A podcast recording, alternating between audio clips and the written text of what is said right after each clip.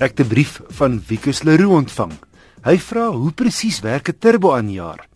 Ek het ouer gewoonte gaan aanklop by iemand wat baie van die dinge weet. Dis Nicole Lou, die tegniese redakteur van die tydskrif Car. Wessel, ja, as mens kyk byvoorbeeld na petrol engines, die verhouding van brandstof tot lug is 14.7 tot 1. So as jy meer krag uit 'n engine wil uitkry, gaan dit nie help om meer brandstof in te spuit nie want jy moet ook meer suurstof hê om daai brandstof te verbrand om vir jou die ekstra kraglewering dan te verskaf. En al maniere hoe jy dan meer lug kan inkry is om die lug bo atmosferiese druk te verskaf aan die enjin sodat hy hom insuig dat jy meer suurstof kan inskry wat dan vir jou toelaat om meer brandstof in te spuit en dan meer krag uit te kry. En dit is presies dan nou wat 'n turbo doen. 'n Turbo kry sy energie uit die uitlaatgasse uit. Hy het 'n turbine wat in die uitlaatgasse sit. Hy word dan opgespin en sy kompressor werk dan amper soos 'n fietspomp as jy daaraan so iets dink wat dan die atmosferiese druk op die inlaat hoër vir jou gee as as die atmosfeer dan en wat jy toelaat om dan meer lug in die, in die enjin in te forceer en dan kan jy natuurlik uh, meer brandstof inspuit en dan meer kraglewering uit die enjin uitkry. Nou ons sien dit veral vandag dit is eintlik meer oor brandstofekonomie as regtig verrigting. Byvoorbeeld met hierdie enjin downsizing soos wat hulle van praat. Voorbeeld is Ford se 3-silinder 1 liter EcoBoost masjien wat dan uit daai klein masjienkie 92 kW kan uithaal deur hierdie turbo aanjaer te gebruik. So dis net een voorbeeld waar 'n turbo aanjaer dan vir jou brandstofekonomie en dan 'n goeie kraglewering kan verskaf. En dit is interessant Nikkel hoeveel vervaardigers staat maak op hierdie tegnologie juis omdat dit so effektief is. Definitief wissel, dis natuurlik ook nou die kritisie daar buite wat vir jou sê hierdie klein turbo enjintjies ehm um, gebruik in elk geval net so baie brandstof. Ek dink is om die mense bietjie harder ry, maar op die toetsiklus wat hulle gebruik om die brandstofekonomie te meet, vind hulle dat 'n kleiner kapasiteit enjin met dan 'n turbo aanjaer gee vir jou baie beter brandstofverbruik. Die groot rede natuurlik daarvoor is omdat jy daai uitlaatgas energie wat gewoonlik net in jou uitlaat sou wegverdwyn het gebruik om hierdie turbo aan te dryf en dan vir jou hoë druk uh, lug te verskaf vir die inlaat. So as jy hom um, gaan ry uh, met 'n ligte voet behoort hy vir jou beter brandstofverbruik te gee as 'n 'n groter kapasiteit naturally aspirated engine. Nicolou, die tegniese redakteur van Car. Motornavraag kan aan my gerig word deur te e-pos na wissel@rsg.co.za.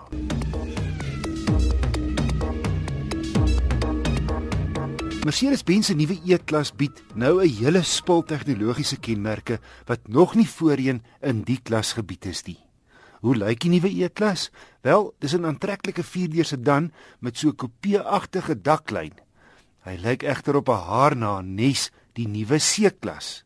Vir baie mense sal net 'n maatband en my toetskar se benaming E220D agterop verklap dat hierdie inderwaarheid 'n groter wa is as die C-klas. Net langer as 4,9 meter om presies te wees. Hy spog met 'n hengse groot sentrale skerm binnekant hier in die middel van die paneelbord waarop jou navigasie en al jou ander vermaak en voertuigfunksies verskyn. Dan is 'n interessante ding op die stuur, hoef jy nie knoppe te druk om jou aanboordrekenaar te werk nie. Jy vryf eenvoudig met jou duim op en af oor die skakelaar. Regs en ook links. Die regterduim beheer die klein rekenaar hier in jou paneelbord terwyl jy met jou linkerduim die groot skerm beheer. Dis nou as jy nie jou linkerhand onder wil gebruik want soos Mercedes se modelle deesdae uitkom, is hier 'n ronde muis tussen die twee voorste sitplekke waarmee die bestuurder met sy linkerhand die opsies uitvoer. Baie netjiese konvensionele horlosie gee so 'n tikkie tradisionaliteit in hierdie eh, Mercedes se binneruim. En verder wissel krom insetsels en gestikte leer mekaar baie netjies af. Die nuwe E-klas se wielbasis is int langer as die vorige geslagsin en hier's ook nou meer beenspasie agter. Behalwe 'n trikamera het jy ook gonsers voor, agter en aan die kante van die kar, so jy word konstant gewaarsku as jy te naby aan 'n voorwerp kom. Mercedes se nuwe 2 liter turbo diesel in die E220d is 'n juweel. Stiller as die vorige 2.1 en die 143 kW word moeiteloos losgelaat. Bygestaan deur 'n outokas wat onopvallend tussen 9 ratte kies om die beste van die 400 Nm wrinkrag vanaf 'n lae 1600 toere te maak. 0-100 vat net 7,3 sekondes. Besonder stil op die snelweg. Weinig meganiese en windgedruis. Een van die redes is dat die toere teen 120 teen 'n besondere lae 1400 lê in negende. In die ritgehalte uitstekend.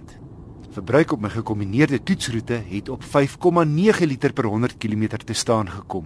Suinig vir 'n groot sedan, maar veel hoër as Mercedes se onrealistiese syfer van 3,9. En dan is hier ook 'n hele klompie triks. As jy nie self stop in 'n noodgeval nie, sal die Mercedes dit vir jou doen.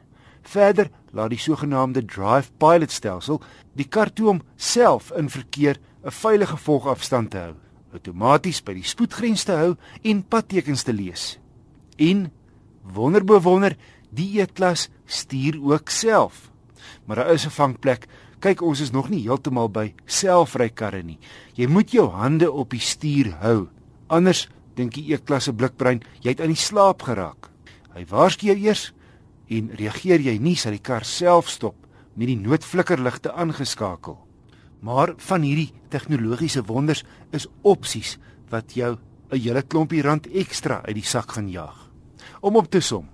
Daar is die wat dit jammer sal vind dat die E-klas met sy voorkoms buite nie meer 'n eie identiteit het nie. Met vorige generasies kon jy E-klas onmiddellik uitken.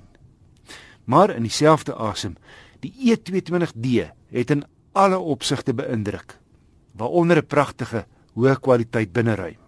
Die prys skiet egter môre op met R7600 tot R766700. Die E-klas is na my mening die nuwe maatstaf in die klas. In elk geval tot Februarie volgende jaar wanneer BMW se nuwe 5-reeks plaaslik verskyn.